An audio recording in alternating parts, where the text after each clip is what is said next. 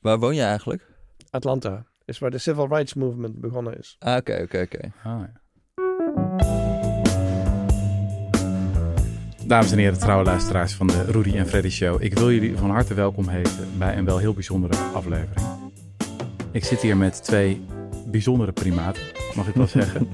Eén uh, daarvan is jullie wel bekend. Ja, Zijn naam Yes, Frederik. is Jesse Frederik. Jesse, wij hebben iemand weten te charteren.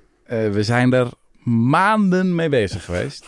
Uh, het is uniek en uitzonderlijk. En hij is, begreep ik, speciaal voor de Rudy en Freddy Show zelfs naar Nederland gekomen. Doet ook wat andere PR nu, Ja, dit, nu dit er toch is. Maar het is wel echt Ja, de Rudy en Freddy Show Ja, het is wel Die het het allemaal in gang heeft gezet. Ja. En het is niemand minder dan professor Dr. Frans de Waal. Dank u. Ehm, ik ben wel een beetje een groepie, laat ik dat maar meteen zeggen. Dit wordt misschien niet helemaal... Maar goed, Jesse, jij bent er om eh, kritische noot te voorzien. Maar ja, ik ben gewoon wel echt een fan. eh, al heel lang. Ehm, Frans de Waal, voor degenen die niet eh, zijn ingewijd. Ik eh, ros even het cv erdoor. Professor Psychology bij Emory University. Ik vind het grappig dat het dan psychologieprofessor is. Maar zij zien de psychologie blijkbaar heel breed.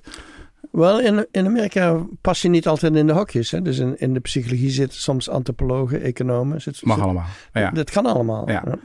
U bent natuurlijk een Eh, Mhm. Komt uit een gezin eh, met eh, zes broers. En Zes mo- jongens. Ja. Zes jongens, ja. En de moeder werd de generaal genoemd. Vond ik een leuk biografisch detail. Eh, werd wereldberoemd met het boek Chimpanzee Politics. Wanneer kwam dat uit? 82. 82, ja. En werd toen ook door Newt Gingrich... Gring, hoe zeg je dat? Gingrich. Gingrich. Eh, uitgedeeld onder eh, republikeinen. Van kijk, wat die chimpansees doen, dat moeten wij in het parlement gaan doen. Ja. Dus dat heb Ja. jij op je geweten. Is misschien eh, te, goede les getrokken uit... eh, Ja, ja, ja. ja. Eh, kunnen we het zo ook nog over hebben? Nou, en echt een reeks aan geweldige boeken. Tijd voor empathie bijvoorbeeld. Zijn we slim genoeg om te weten hoe slim dieren zijn? Spoiler, nee. Ehm, en nu een nieuw boek. Eh, in het, ik heb hem in het Engels gelezen. Heet die Different. In Mhm. Nederlands is die vertaald als anders. anders. Eh, en gaat over seksenverschillen, genderverschillen. Alleen dan wat we daarover kunnen leren door te kijken naar onze ja, eh, naaste soortgenoten. Naar, Ja. naar, naar bonobo's en naar eh, chimpansees in het bijzonder. Ja. ja, ik vind het al meteen heerlijk hoe dat, hoe dat begint. Eh, laten we maar even beginnen met een controversieel thema in mijn wereld momenteel. Ik ben recent vader geworden. Oh. En natuurlijk een van de kwesties is... wat voor speelgoed geef je Hmm. aan, ja. aan je kind? In ons geval dochter. En dat moet natuurlijk eh, ja, wel een beetje genderneutraal zijn. ja. Eh, dus wij, eh, hebben al, wij hebben al een tractor gekocht. een echte John Deere staat, staat in de achtertuin. En En graafmachines. en weet ik het allemaal.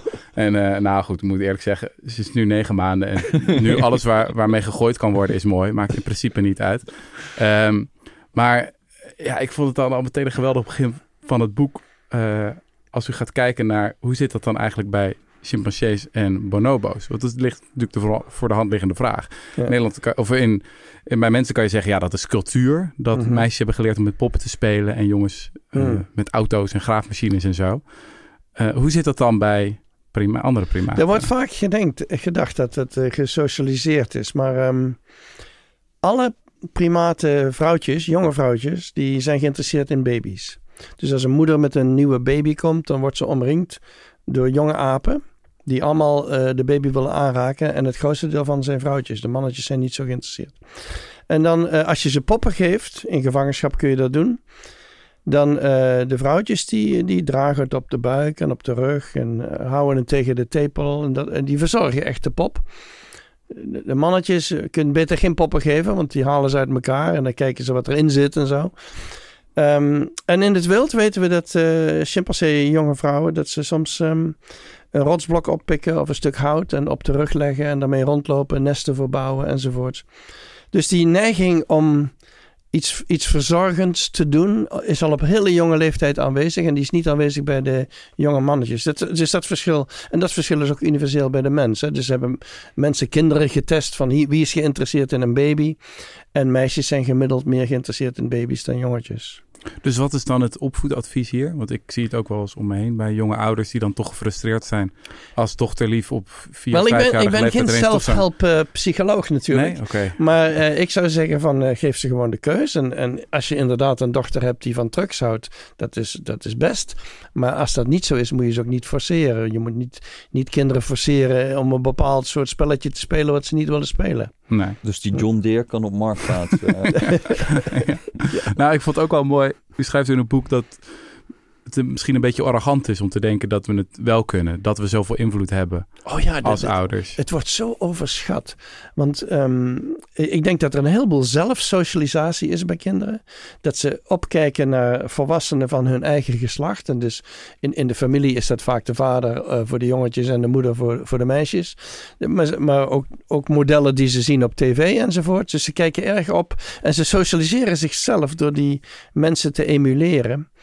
En uh, wij denken wel dat, ze, dat we ze socialiseren. En dan heb je ook al de peer, de peer pressure, hè, die ook enorm is bij kinderen. Die, die, die, heeft jouw dochter nog niet meegemaakt natuurlijk, maar dat gaat komen. Dat ze meer luistert naar haar vriendinnetjes dan naar jou. Hm. Ja. Al is dat natuurlijk wel weer cultureel. Daarvoor kan je zeggen van als samenleving moeten we misschien naar ja, andere... Dat, dat is cultureel en dat is natuurlijk ook te zien bij de, bij de andere primaten. En daarom gebruik ik het woord gender ook voor andere primaten. Omdat ze ook zichzelf socialiseren. Uh, en ook kijken naar wat hun vriendjes doen. Hm. Dus, dus bijvoorbeeld, um, uh, dus, dus een paar weken geleden kwam een, een studie uit over orang-oetangs in het bos. Hm. Waar de dochters precies hetzelfde dieet hadden als de moeders. En de zonen weken af omdat ze naar volwassen mannen gekeken hebben en wat die eten en zo. Dus de dochters kopiëren precies wat de moeder doet en, en, en de jonge mannetjes doen dat niet. Dus dat zelfsocialisatie aspect zit, kun je ook vinden bij de andere primaten. En om het even uit elkaar te trekken, die neiging om te focussen voor meisjes op de, op de moeder, dat zou dan een biologische basis hebben. Ja. En dan vervolgens kan het cultureel verschillen uh, wat de, moeders of vaders doorgeven. Ja, dus als, als, de, als je een samenleving hebt waar moeders en vaders zich heel anders gedragen, Hmm. dan gaan die kinderen ook zich heel anders gedragen. Dus ze kopiëren Ja. en emuleren wat ze zien. Ja.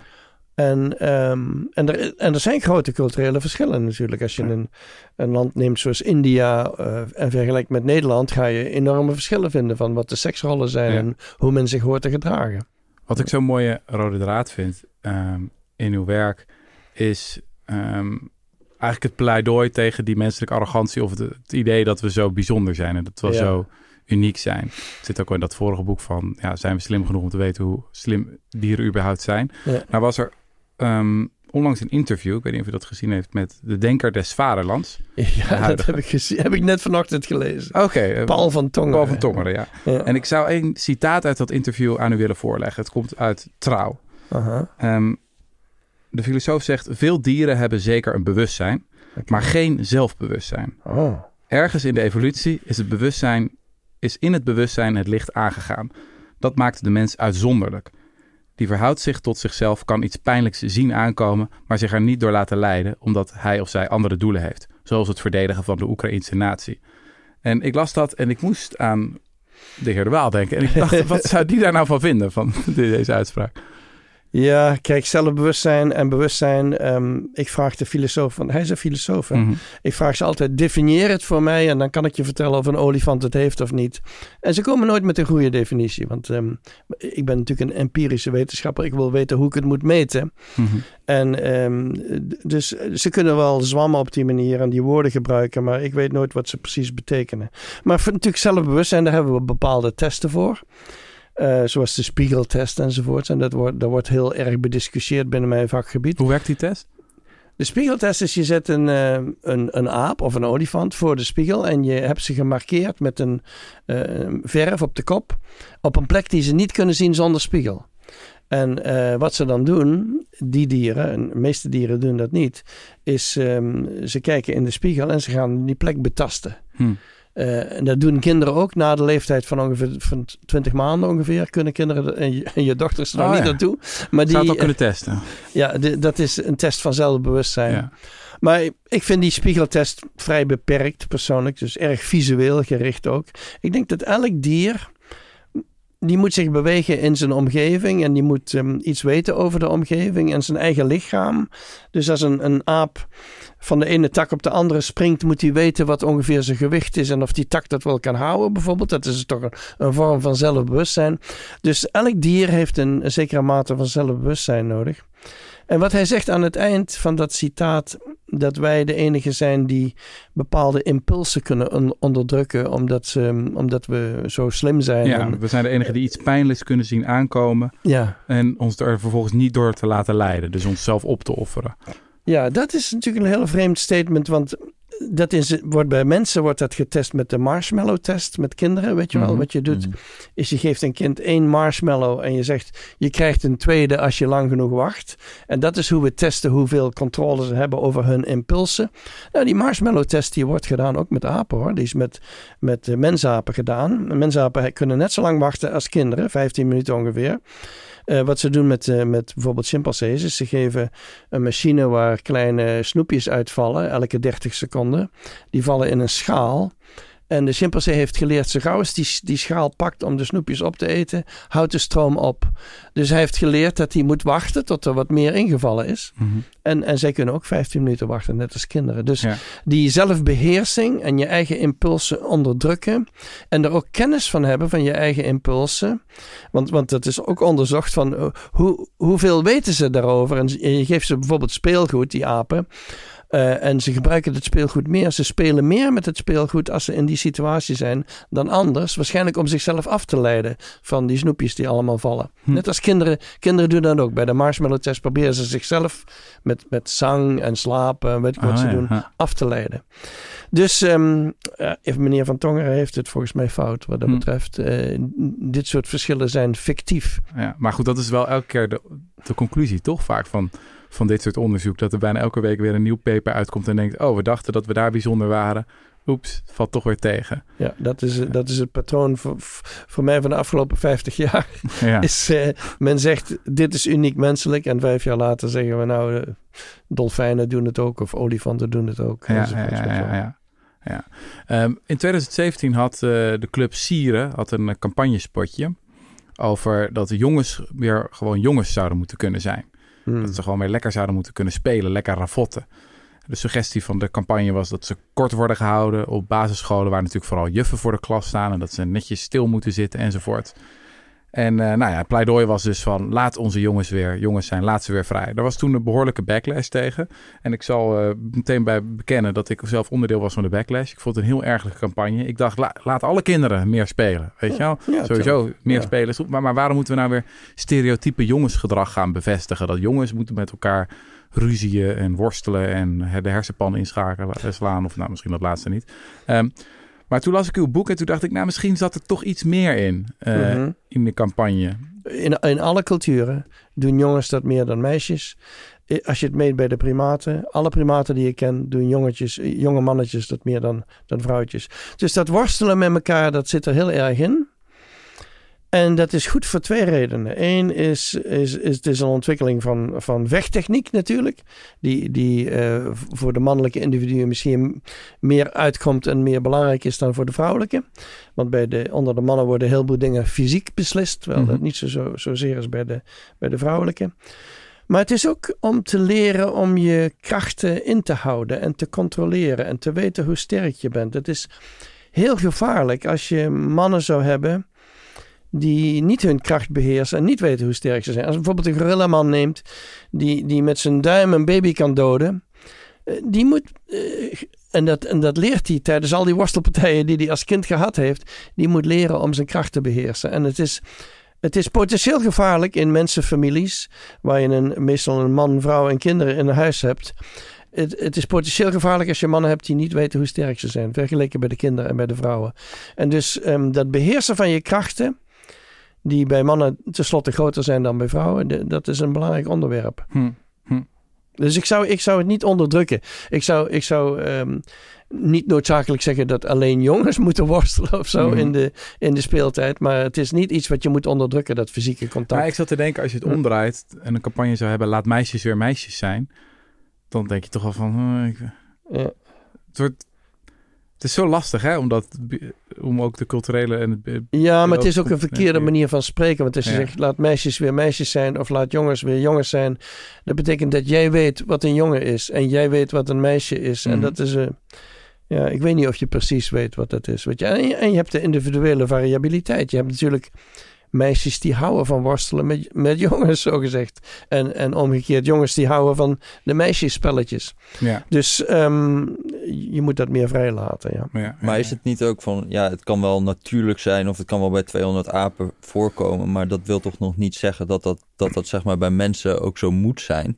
Als wij dat op een of andere manier zouden kunnen onderdrukken, dan kan dat misschien beter zijn.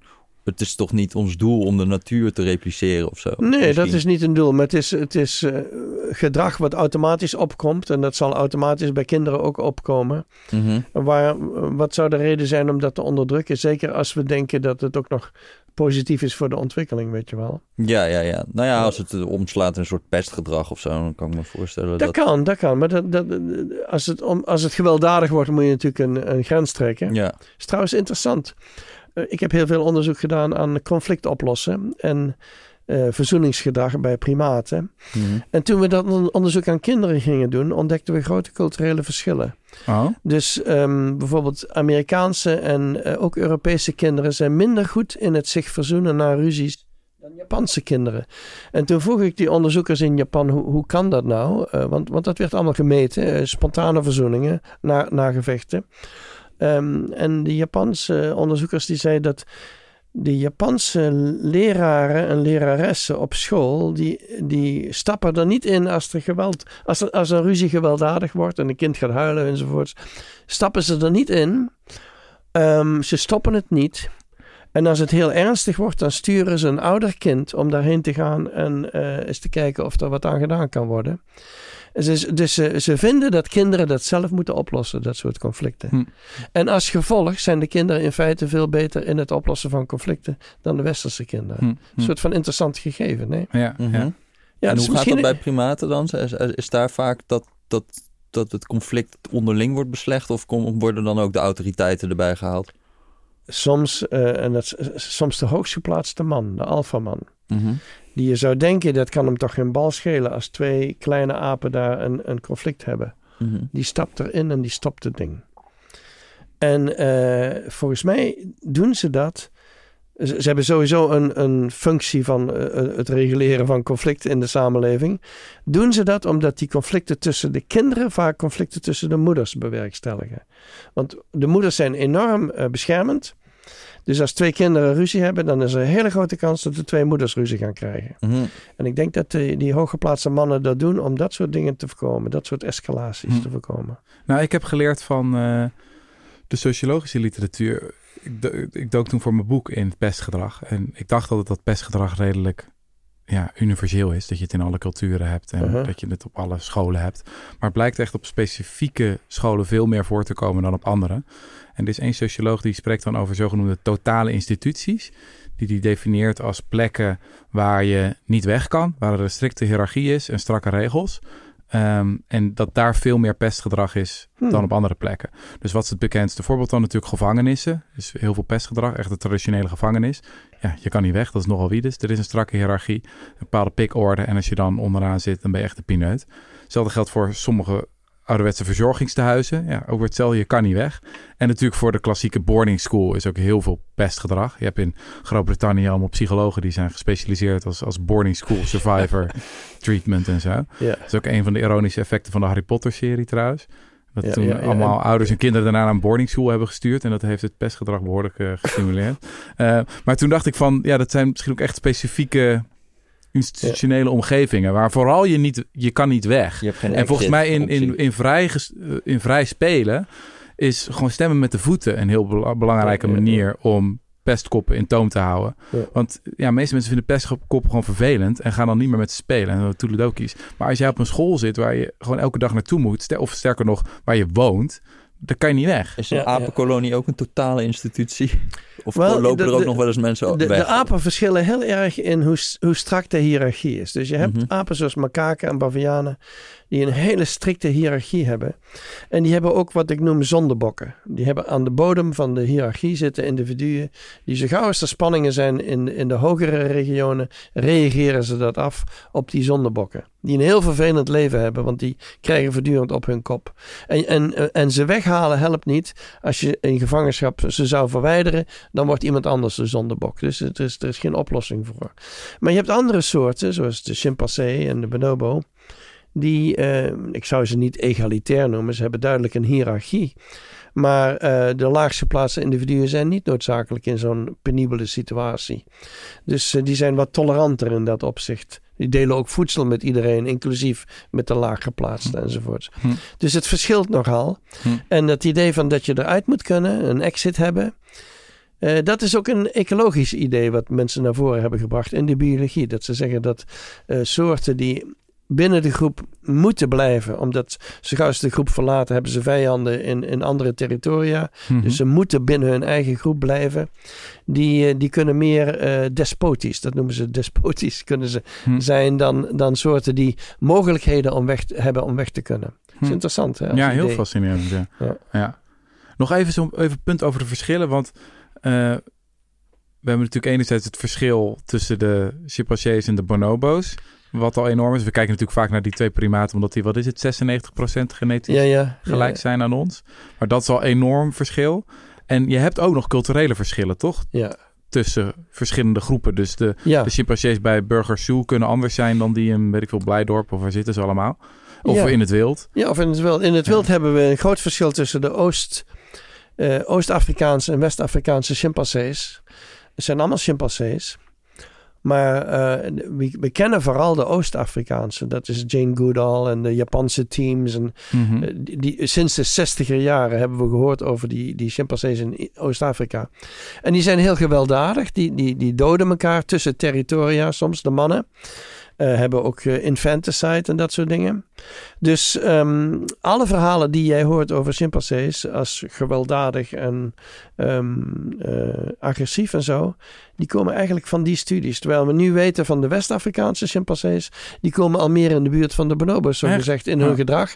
In dat het machtsverschil tussen mannen en vrouwen is kleiner, omdat ze samen reizen in, in grotere groepen. En eh, de vrouwelijke chimpansees hebben een neiging, net als bonobos, om elkaar te steunen. En eh, tegen mannen, als dat, als dat moet. En dat maakt dat het machtsverschil tussen mannen en vrouwen kleiner is bij die chimpansees in het Westen. En dat is een cultureel verschil. En er is ook veel minder geweld bij ze. Dus, dus de studies over gewelddadigheid, die zijn vooral van de Oost-Afrikaanse Ha. chimpansees.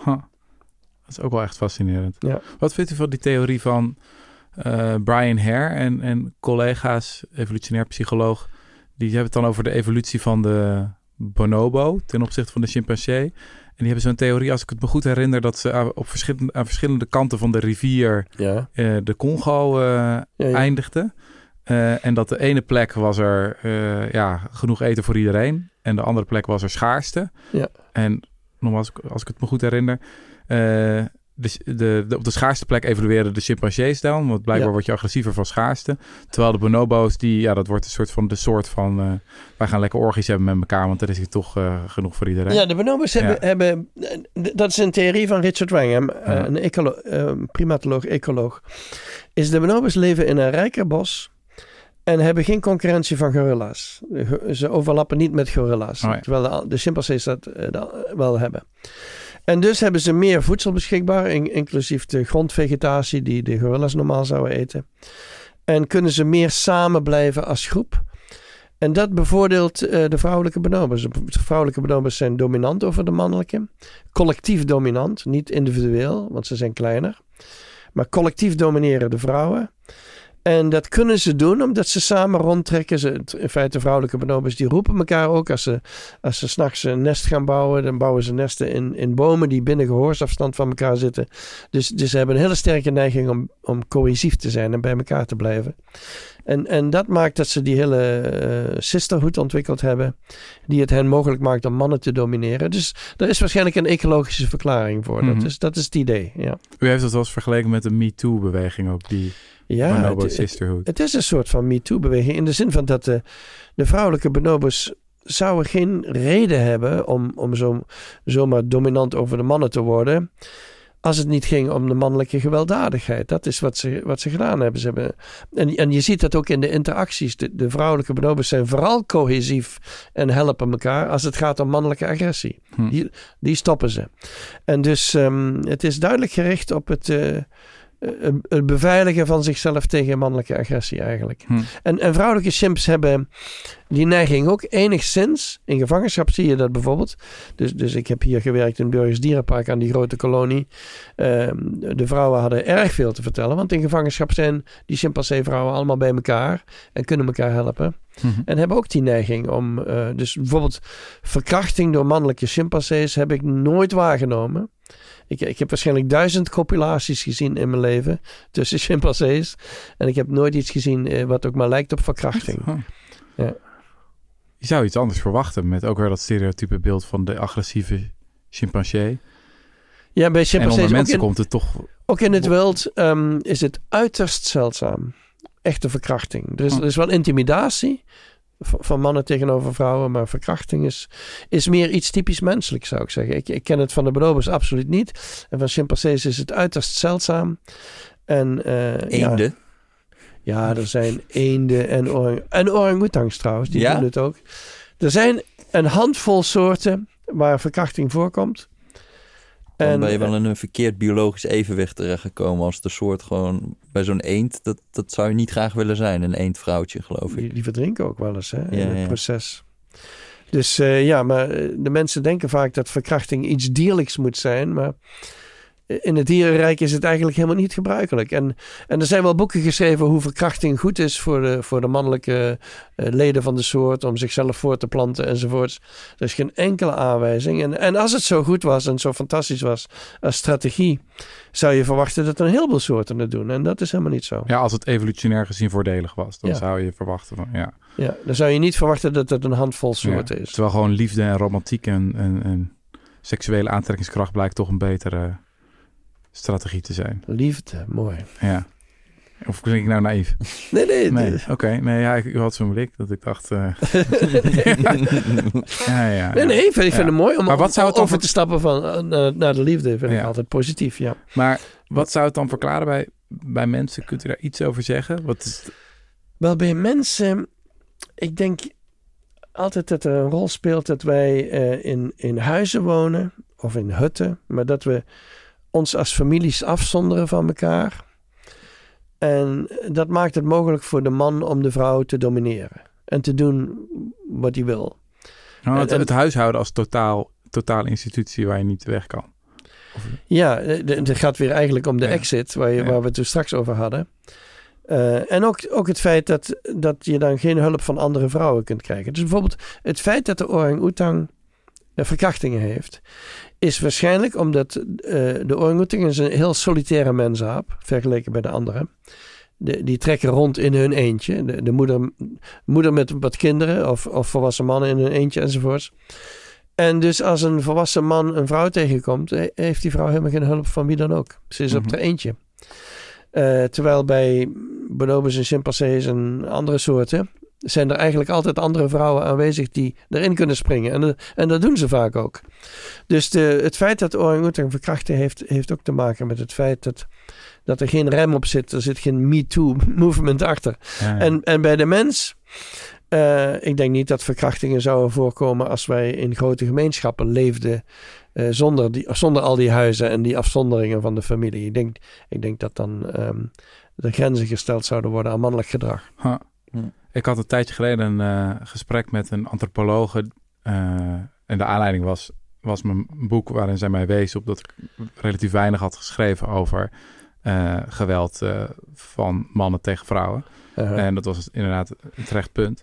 En, maar toen zei ze van, er is een interessant paper geschreven over de koen in het Aha. huidige Namibië. Een van de laatste ja nomadische jager-verzamelaars. Al zijn ze het nu eigenlijk ook al niet echt meer. Maar in de jaren 60, 70 zijn daar mooie studies van gedaan.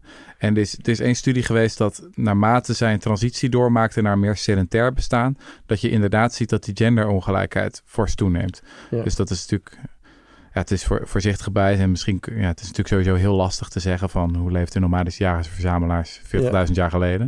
Maar eh, dat is wel in lijn met dit, Ja. met dit verhaal. Dat er iets zit in die overgang van een nomadisch naar een sedentair bestaan, dat er dan iets misgaat. Ja, ja. Ik, ik denk ook dat toen wij overstapten naar eh, landbouw, eh, ongeveer 12.000 jaar geleden, eh, werd de mens een landbouwer.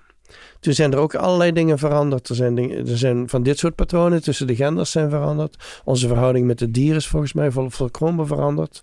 Ehm, want vro- vroeger waren wij jagers. Een jager heeft respect voor dieren. Die, Mhm. die- dat hele idee van dominion, wat je, wat je vindt over wij moeten de dieren domineren. Dat, dat zou je een jager niet horen zeggen. Die heeft respect voor de dieren die, die, waar die op jaagt. Omdat hij weet dat die dieren die kunnen potentieel gevaarlijk zijn. Of die kunnen ontsnappen op een manier die hij nog nooit voorzien had en zo. Dus jagers hebben meer respect dan boeren, denk ik, voor dieren. Moeten we dan ook weer eh, terug naar de commune? Hadden ze in de jaren 70 dan toch gelijk? Ja, ik weet niet. In, in de jaren. s- Ik, ik leefde in die jaren. En ehm, wij waren tegen, tegen hiërarchieën. Dus Ja. autoriteit was fout. Maar we geloofden ook niet in jaloezie. Jaloezie mm, was nonsens. Terwijl natuurlijk in die, in die communes was er volop jaloezie tussen mensen. Maar er waren dingen die we af wilden schaffen. En eh, dat is nooit gelukt eigenlijk. Ik heb wel eens een boek gelezen over die kibbutz in, eh, in Israël. Ja? Dat is heel interessant ook, ook over die hele geschiedenis. Maar he- eigenlijk helemaal in de jaren 50 en 60. Toen waren ze op z'n radicaalst, zeg maar. En toen was het ook dat ze gewoon... Kinderen, die werden gewoon niet bij hun ouders opgevoed, Ja. maar gewoon bij iedereen. Maar dat was wel een systeem waar ze eigenlijk als eerst vanaf zijn gestapt. Ja, ja, zeg maar. ja. Dat dat Dus toch dat- echt wel heel, helemaal niet lekker werkte, zeg maar. Dus dat geeft ook aan, want, want je vroeg, moeten we onszelf laten dicteren door de biologie? Mhm. De moeder-kindband is 200 miljoen jaar oud. Hè? Dus, dus in de zoogdieren, moeders, moeder-kind, eh, zoogdieren bestaan 200 miljoen jaar. Het is een hele oude band die gevoed wordt in de hersenen eh, door oxytocine en, enzovoorts. Ik bedoel, het is een heel chemisch proces eigenlijk Mhm. dat identiek is van, van, van knaagdier tot mens. Dus om die band te verbreken, wat ze bij de kibbutz geprobeerd hebben. Je, je, zet de kinderen, je haalt de kinderen bij de families weg en je zet ze in een coll- collectief waar ze grootgebracht worden. Ik heb die interviews gelezen met, met ouders uit die tijd die zich heel ongelukkig voelden. Want ze wisten dat hun kind zat daar, maar waarom slaapt het kind niet bij ons eh, in huis? Weet je wel, die, die Mhm. voelden zich enorm gefrustreerd. En, en om de moeder-kindband te verbreken, dat is zo voor mij zo'n biologisch taboe. Mhm. Eh, je kunt zeggen wat je wil over de vader-kindband. Die is natuurlijk ook belangrijk en die moeten we ook handhaven enzovoorts. Maar het is allemaal begonnen met de moeder-kindband. En eh, in feite alle bandpatronen die wij hebben, ook tussen man en vrouw, die worden gevoed door dat hele systeem, dat oxytocine-systeem. De oxytocine gaat omhoog als je verliefd wordt op, eh, op een ander. Ehm, dat, dat hele template, zoals we dat noemen, neural template, eh, wat van moeder, eh, met moeder-kindrelaties te maken heeft, is naar de hand gebruikt voor allerlei andere relaties. En eh, het, is, het is ontzettend oud. En ik, en ik begrijp niet dat de kibbutz geprobeerd hebben zelfs om dit te verbreken. Mhm. Eh, maar goed, ze hebben het geprobeerd en ze hebben gezien dat het niet gaat. Bestaat er dan ook Ja. zoiets als een moederinstinct, moederschapsinstinct? Dat is problematisch, want ik denk dat er een instinct is, maar daar hebben we het over gehad, dat, dat jonge vrouwtjes geïnteresseerd zijn in baby's. Dat wel, de, die interesse is eh, duidelijk eh, aangeboren. Maar de kennis van hoe je moeder moet spelen en hoe je je moet gedragen en hoe je het kind aan de borst legt, die kennis die is er niet. Hm. En die moeten apen ook leren. En, en, en niet alleen apen, dat, dat geldt ook voor walvissen, dat geldt voor olifanten, voor allerlei dieren. Eh, en, en, en, en voor de apen is het nog problematischer, want ze zitten vaak rechtop. Dus, dus bijvoorbeeld, eh, het is niet automatisch dat het kind de borst bereikt, eh, tenzij het kind helpt natuurlijk. Dus ehm, als bijvoorbeeld een, een dierentuin gorilla's heeft. eh, en een van de gorilla's is zwanger en ze hebben nog nooit een baby gehad in de dierentuin. En dat is gebeurd hier bij burgers, is gebeurd bij apenhuil. Dat, dat gebeurt regelmatig. Dan moeten ze zorgen dat ehm, die vrouwelijke gorilla's dat op een of andere manier leren. Hm. Want ze weten dat het anders fout gaat. Die, Hm. die gaan niet automatisch de- dat kind de borst geven. Hm. Die moeten dat gezien hebben. En, en dus wat ze doen is, ze, ze tonen soms filmpjes of ze brengen een, een mensenmoeder binnen die een kind zoogt eh, om te laten zien hoe dat gaat. En, en het best, de beste opvoeding wat dat betreft is dat, ze, dat er een, een vrouwelijke gorilla is die dat al doet. En, en, en hen kan tonen hoe dat gedaan wordt. Voordat, eh, voordat ik vader werd, had ik allemaal eh Jippie-verhalen gelezen over dat de baby automatisch zou weten dat het naar de borst moet en dat het allemaal instinct eh, heeft. Dat geloof ik niet. Maar nou ja, op zich zagen we het instinct wel, maar onze dochter kon geen, die, die ging aan mij, die wilde aan mijn tepels gaan. Wat overigens ook een fascinerende vraag is. Ehm, waarom hebben mannen tepels? Ja. Wel, baby's hebben natuurlijk wel een zuigreflex. Hè? Dus, ja. dus van, Ja, de nee. baby, van de baby's kant zijn er een aantal dingen geprogrammeerd die, die, die behulpzaam bij het geheel zijn natuurlijk. Ehm, waarom hebben mannen tepels? Alle mannelijke primaten hebben tepels. Niet alleen mensenmannen. Eh, en dat is omdat het geëvolueerd is bij, eh, bij de vrouwen natuurlijk, om te zogen. En eh, als bouwplan zit dat er bij de man in, maar eh, ontwikkelt zich verder nauwelijks. En, Hmm. de- en er zit ook niet zo heel veel zenuwen aan, zodat de gevoeligheden niet zo groot zijn enzovoorts. Huh. Maar dat argument van de mannelijke tepel, dat is gebruikt voor de clitoris ook. Hè? Dus omgekeerd. Hè? Dus toen, toen wa- was er een filosoof, die heette Elizabeth Lloyd. Die heeft een heel boek geschreven over, over dat de clitoris een bijproduct was. Een, een, een, was helemaal niet noodzakelijk. Het is een beetje zoals de mannelijke tepel, zei ze. De mannen hebben tepels omdat de vrouwen eh, borst moeten kunnen geven. Eh, de vrouwen hebben een clitoris omdat de mannen een penis moeten hebben. Mhm. Dus dat was het argument. Hetgeen we nou helemaal niet meer geloven, maar dat was het argument in die tijd. En Stephen Jay Gould, de, de bioloog, steunde haar in dat opzicht. Oh, ja. Eh, nu geloven we dat niet meer, omdat we weten dat de clitoris een heel complex orgaan is met heel veel zenuweinden en dikke zenuwen die er naartoe lopen. Hetgeen betekent dat de informatie belangrijk is voor de hersenen. Hm. En eh, heel veel gevoelige punten, net zoveel als de penis in feite. Hm. Dus, dus nu geloven we dat de, de clitoris. eh, maar ja, we hebben een heel andere visie op de vrouwelijke seksualiteit dan vroeger. Nu geloven we dat de clitoris abs- absoluut noodzakelijk is. Ik heb één keer één theorie gelezen van een stel antropologen die speculeerden dat de mannelijke tepel is blijven hangen omdat hij een soort van babysitterfunctie had. Namelijk, eh, er was één stam in Centraal-Afrika eh, die uitzonderlijk gendergelijk is. En waar dan de vrouwen vaak gingen jagen. Eh, en dan zaten de mannen thuis in de grot. Ik, ik, eh, chargeer even. eh, met, eh, met de kinderen. En eh, ja, die hadden dan een zuigreflex. En dan was het wel handig als ze in ieder geval tepels hadden. Oh. Nee, ik kan zo Klinkt plausibel. Ja, ik, ik, wou- ik wou net zeggen, Ja, je kunt gewoon je pink erin stoppen. Ja. Ja, dat is vaak met dat soort evolutionaire verhalen. Je kan, ze klinken wel snel plausibel. Of in ieder geval, het Ja, worden dan een ja, beetje ja, just ja. so stories. Ja, ja, Ja, ja. Ja. Maar dat is Want- wel... Ja. Want, want bonobo-vrouwen die gebruikten, die gingen toch ook hun clitoris over elkaar heen wrijven voor de conflictbeheersing en zo? Ja, bonobo-vrouwen hebben grote clitoris, groter dan de mens. Eh, de grootste clitoris is bij de dolfijn. Die, die een soort van de bonobo van de zee eh, is. Want de dolfijn doet ook heel veel aan seks. Eh, en, en, en dus het is wel frappant dat de soorten die zoveel extra seks hebben... dus niet reproductieve seks. De bonobo, Mhm. Bij de bonobo zou ik schatten dat driekwart van de seks niks met reproductie te maken heeft. Dus ehm, die, die zijn pleziergericht eigenlijk.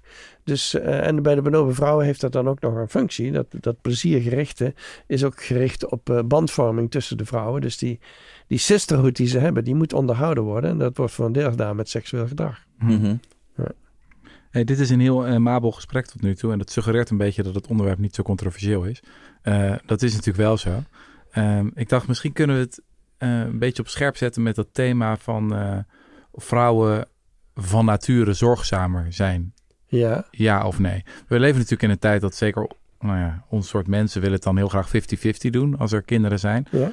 Ehm, en dat lukt soms, eh, Uh-huh. soms niet of vaak niet. Ehm, u zegt bijvoorbeeld bij speelgoed van laten we gewoon Ja. gelijke opties geven. Weet je, je mag het. Ja. En dan kijken we wel hoe het loopt.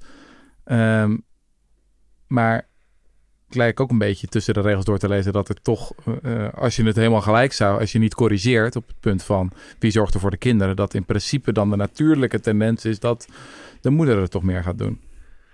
Wel, ik denk in, in het begin de, de, de absolute beginperiode, dus de eerste paar maanden, kom je daar niet onderuit. Dat, dat de vrouw meer doet dan de man, denk ik. Maar eh, de zorgzaamheid van mannen is in feite veel meer ontwikkeld dan mensen denken.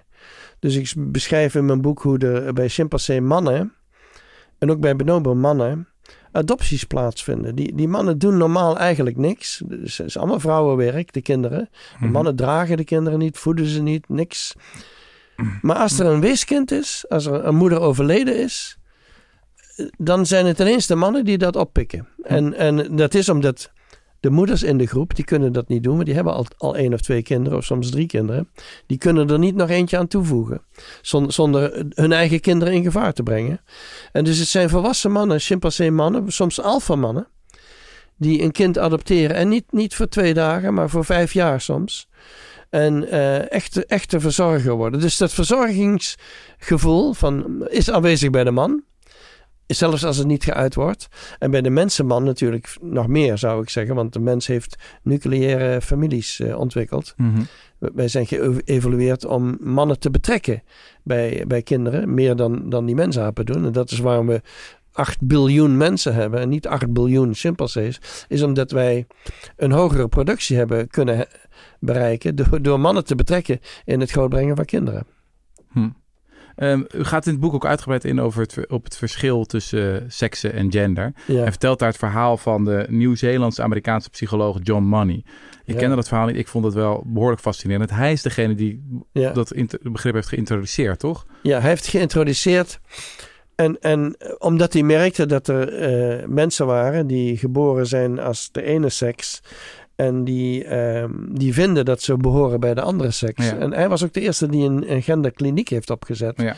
En, en die mensen hadden, daar hadden we allemaal negatieve labels voor. Ze zijn abnormaal of ze zijn weird of ze zijn queer. Queer is nu, is nu geadopteerd als een positief label. Maar dat was vroeger natuurlijk een negatief label. Mhm. En dus hij, John Money, die vond, eh, vond dat heel erg. En die vond dat er een, een, een aardige, een meer wetenschappelijke term voor nodig was. En, die, en zo kwam die, kwam die op het woord gender. Maar hij was zelf betrokken en daarom is zijn reputatie erg geschaad. Hij was betrokken bij een jongetje wat een groot deel van zijn penis had verloren in Canada. Eh, en wat toen daarna is grootgebracht als meisje. Bij een besnijdenis die was Ja. Ja, ja. had een stuk penis verloren. Ja. En toen heeft hij gezegd, haal alles maar weg en we gaan haar grootbrengen als een meisje. Dat heeft John Money toen geadviseerd. Ja, Van haal ik de testikels weg Ja. en dien hormonen toe.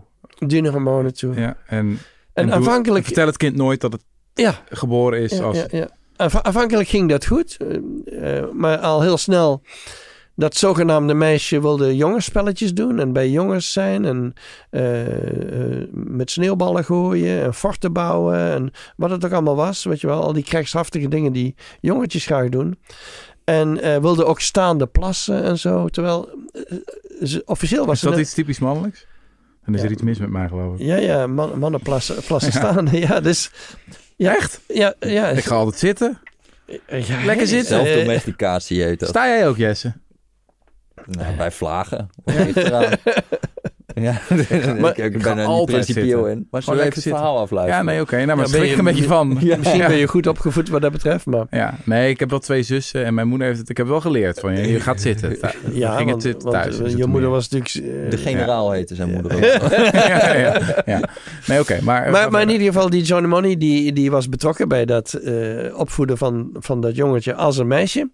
En dat is eigenlijk helemaal mislukt, want eh, toen, eh, toen hij 14 was, eh, hebben ze hem verteld dat hij eigenlijk een, een jongen was. En, ehm, Waarom hebben ze het verteld? Ik weet niet wie dat heeft verteld en waarom, maar daar was hij erg van gechoqueerd. Hm. Maar dat verklaarde ook een heleboel van zijn misère, want hij, was, hij voelde zich heel lullig. Hm. En, eh, en toen op een gegeven moment heeft hij zelfmoord gepleegd, want eh, hij was zo ongelukkig. Dus het is eigenlijk een heel dramatisch eh, en traumatisch verhaal geworden. verhaal, ja, ja.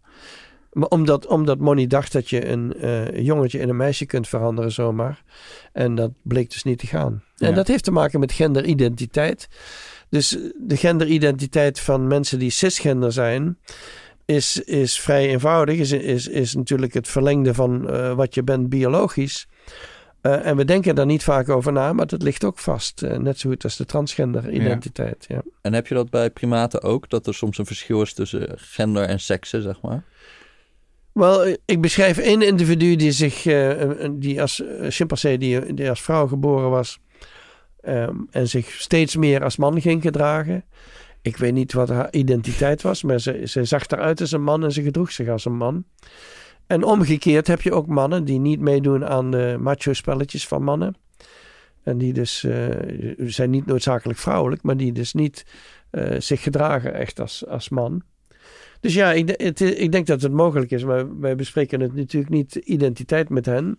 Maar het is, je ziet wel variatie in hoe ze zich uitdrukken. Ja. Hm. Mm Weten we iets over de biologische basis van transgenderschap? Is dat genetisch? Uh, well, niet, genetisch, dat is niet bekend. Maar er is de theorie van Dick Swaap dat, dat tijdens de zwangerschap um, uh, de genitaliën het eerst differentiëren in mannelijk en vrouwelijk. En de mhm. hersenen daarna pas, in het tweede deel van de zwangerschap, zich differentiëren. En dat er sommige individuen zijn, minder dan 1%, maar er zijn sommige individuen bij de mens, waar die twee processen de, verschillende kant uitgaan. Hm. De, de genitaliën de ene kant en de hersenen de andere kant. Dus dat, dat, dat het heel vroeg in de ontwikkeling eh, in de baarmoeder plaatsvindt. Hm. Dat zou ook verklaren waarom transgender identiteit vaak heel vroeg opkomt in het leven. Drie jaar, vier jaar, heel vroeg. Ver voor de puberteit. Dus op het ogenblik wordt er over transgender wel gesproken alsof het een soort van modeverschijnsel is. Alsof mens, mensen zomaar eventjes beslissen om transgender te worden. Dat is helemaal niet het geval. Het is iets wat heel vroeg opkomt voordat al die invloeden plaatsvinden.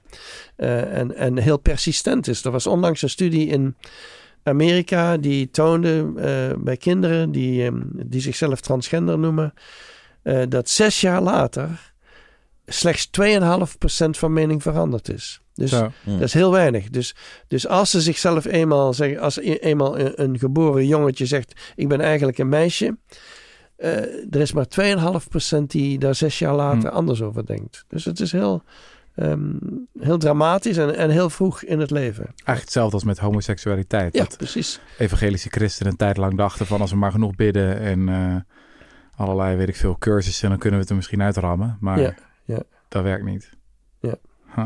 En zie je dat bij primaten, homoseksualiteit? Homoseksueel gedrag is heel gebruikelijk. Bij bonobos is het uh, zeer gebruikelijk. Bij andere soorten is het minder dan heteroseksueel gedrag, maar het is wel te zien, ja. Mm. Het, is, het is niet iets bijzonders, homoseksueel gedrag. Nee. Maar je zegt gedrag, niet dat ze alleen een voorkeur hebben voor uh, een vrouw die alleen op vrouwen vallen bijvoorbeeld. Ja, een exclusieve homoseksualiteit is ook bij de mensen natuurlijk heel zeldzaam. Mm Ze schatten het op een half procent. Terwijl homoseksualiteit in het algemeen schatten we op 4 tot 5 procent, geloof ik, mm. van de populatie. Dus exclusief is heel, uh, heel ongebruikelijk. Hm. hm. En, en bij de apen, ik weet niet, uh, we hebben individuen gehad waarvan we vonden dat ze zeer gay waren. En, uh, en dus misschien exclusief. Maar dat is niet typisch, nee. Hm. Hey, dit is een ongelooflijk controversieel debat. We hadden, wat is het, een tijd geleden hadden we J.K. Rowling die een essay publiceerde over uh, transgender personen. En die had ook de suggestie van dat, dat er een soort van iets cultureels aan de hand was. Dat allerlei tieners elkaar aan het aanpraten waren dat ze trans waren. En, en misschien wel overgingen tot een uh, geslachtsverandering. Terwijl ze misschien een paar jaar later dat niet meer dachten. Nou, daar was denk ik terecht een enorme woede over. Want ja, als jij... nou, u citeerde net de statistieken dat het maar voor heel weinig ja, zij, zij behoort bij de genderkritische feministen. Mhm. Die dus um, uh, trans, vooral trans mannen, trans vrouwen, die dus geboren zijn als mhm. mannelijk, uh, in twijfel trekken. Omdat, omdat ze vinden dat dat interfereert met de vrouwelijke sfeer. Je hebt dus zogenaamde uh, transvrouwen, want ze, ze, beschouwen ze niet als echte vrouwen, mhm. die dan proberen die sfeer binnen te dringen. Dus het is een heel, ja, het is een heel complotdenken in zekere mm -hmm. zin, uh, wat erachter zit. En zij hoort bij die groep. Um, maar dat idee van het is een mode of het is ze praten het elkaar aan, dat, dat klopt niet met de feiten. Want het, het gebeurt meestal lang voor die tijd mm -hmm. dat ze al uh, transgender zijn. Maar wat zijn uw ervaringen in dit debat? U vertelde voor de podcast dat u ook heeft aangeschoven in de podcast van Jordan Peterson. Ja. Nou, die is natuurlijk faam verworven door uh, enorm tekeer te gaan tegen transpersonen. Ja. En is denk ik daarom ook terecht in sommige kringen heel controversieel uh, geworden. Zijn ook de, hoe zijn dan de reacties op, op uw boek? Of Ja, is er, ik kan me voorstellen dat je op eieren loopt of dat je heel erg probeert om... ja. Er zijn, er zijn twee mogelijke negatieve reacties waar- waar- waarvan ik er eigenlijk maar eentje gezien heb. De, de ene is, eh, er zijn natuurlijk eh, mensen die denken dat geslachtsverschillen ook bij de mens minimaal zijn. En mannen en vrouwen zijn eigenlijk min of meer hetzelfde. Dat is ook waarom je mensen genderneutraal kunt opvoeden. Die genderverschillen die zijn een soort van fictief. Eh, dat is een soort van standaardlijn eh, onder feministen geweest. Niet zozeer meer, maar dat is het wel geweest. En ik had gedacht dat die misschien in opstand zouden komen, maar daar heb ik eh, niet zoveel van gemerkt. Hmm. Misschien omdat mensen toch een beetje sceptisch zijn aan het worden over de, de puur culturele constructie van gender, weet je Ja, wel. dat was een oud idee. Judith Butler was die, die schreef dat soort dingen van gender. Of ja, gender is Gender. vooral een sociaal construct. Ja, ja, ja. ja. Eh, waarbij dan soms ook op bijna een beetje de suggestie wordt dat het dan ook voor eh, richting seksen gaat. ja. Maar dat is dus niet meer zo populair. Dat- ja dus daar heb ik niet zoveel van gemerkt. Want de, de andere is een andere groep. Die hebben we ook in Amerika. Die, die, zeggen, die, die zeggen dat alles binair is. Je hebt mannen, je hebt vrouwen. En dat is alles wat er is. Mhm. Mannen houden van vrouwen, vrouwen houden van mannen en dat is alles wat er is. Al het andere, zoals transgender of homoseksueel, is, is een aberratie, is, is niet normaal. En niet natuurlijk. En, de, en dus dat is waar de biolo- bioloog misschien iets kan zeggen. En ehm, die groep, die extreem eh, rechtse groep eigenlijk, die, ehm, die, die is niet zo happy met mijn boek. Want, want in mijn boek leg ik uit dat er veel individuele variabiliteit is. En dat niet alle individuen noodzakelijk heteroseksueel zijn. En dat er individuen zijn die niet, zich niet gedragen noodzakelijk als mannelijk of vrouwelijk.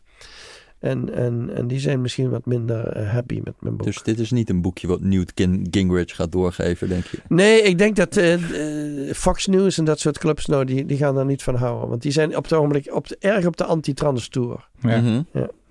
Ja, ik heb zelf feminisme ook altijd als een bevrijding van mannen gezien.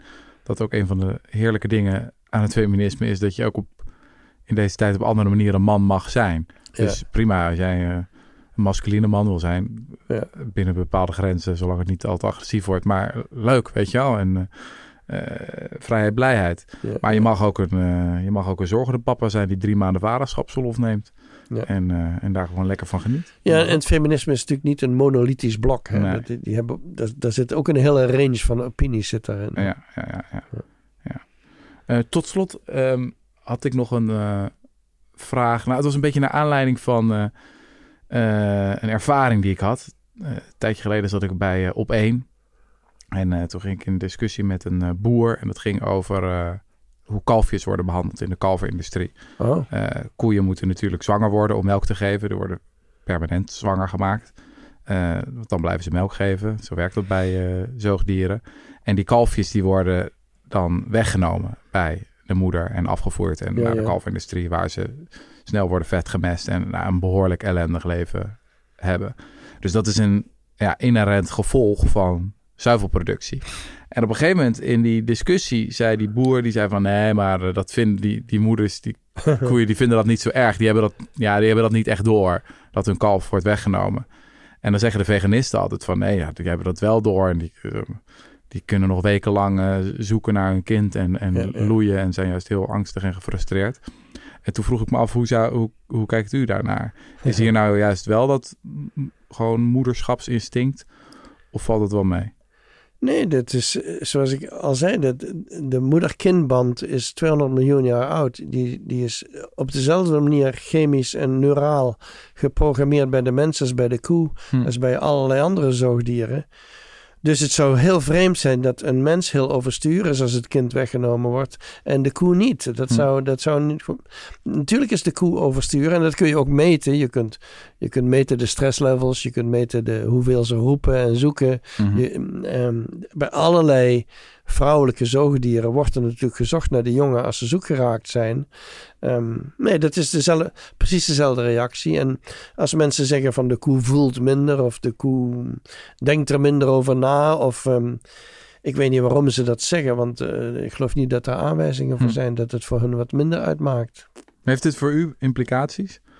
Bent u vegetariër bijvoorbeeld? Of, Ik ben geen eh, vegetariër, maar bijvoorbeeld gisteren hadden we een hele discussie in Utrecht over eh, hoe landbouwhuisdieren behandeld moeten worden. Dat was opgezet door een mhm.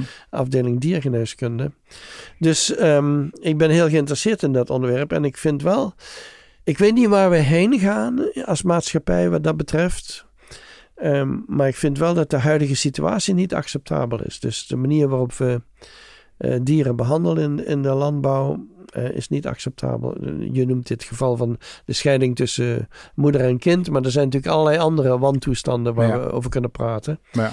En dus ehm, ik, ik ben geen vegetariër, maar ik vind wel dat, eh, dat we wat minder vlees zouden kunnen eten en de dieren die we houden wat beter behandelen. Hm. En, en daar moet aan gewerkt worden, zeker in een land als Nederland, wat een van de grootste vleesproducenten ter wereld is. Hm, hm, hm. Helemaal mee eens. Ja. Jesse, wil jij nog wat sorry. zeggen? Nee, ja, ik ben uiteindelijk... In, in, in, in die boeken zitten altijd natuurlijk bovenaan... in hoeverre is dit nou een verklarend model voor mensen? En, en wat denk je daarvan? Is, is, het, is het gewoon... wat dat, dat, dat ontken je dan ook een beetje van... we moeten daar ook mee uitkijken. Maar uiteindelijk ga je dat hele boek natuurlijk lezen... met ook het gevoel van... oké, wat zegt dit nou over ons? Wel, de mens is een aparte soort. Dus, Mhm. dus we, zijn, we zijn geen chimpansees of bonobo's. Dus we hebben onze eigen specialiteiten. De mens is ook een hele slimme soort. eh, In de zin van dat we hebben taal en, en abstracties die, die je niet vindt bij die andere soorten. Dus de mens is wel een speciaal geval, maar sociaal-psychologisch zijn we nog steeds primaten. De manier waarop we met elkaar omgaan en eh, beïnvloed worden door banden en liefde en haat en competitie, jaloezie. Al die, al die dingen zijn eigenlijk vergelijkbaar, denk ik, bij de mens en bij die andere soorten. Dus die andere soorten kunnen ons wel iets vertellen over onszelf. Dat wil niet zeggen dat ze kunnen dicteren hoe wij ons moeten gedragen.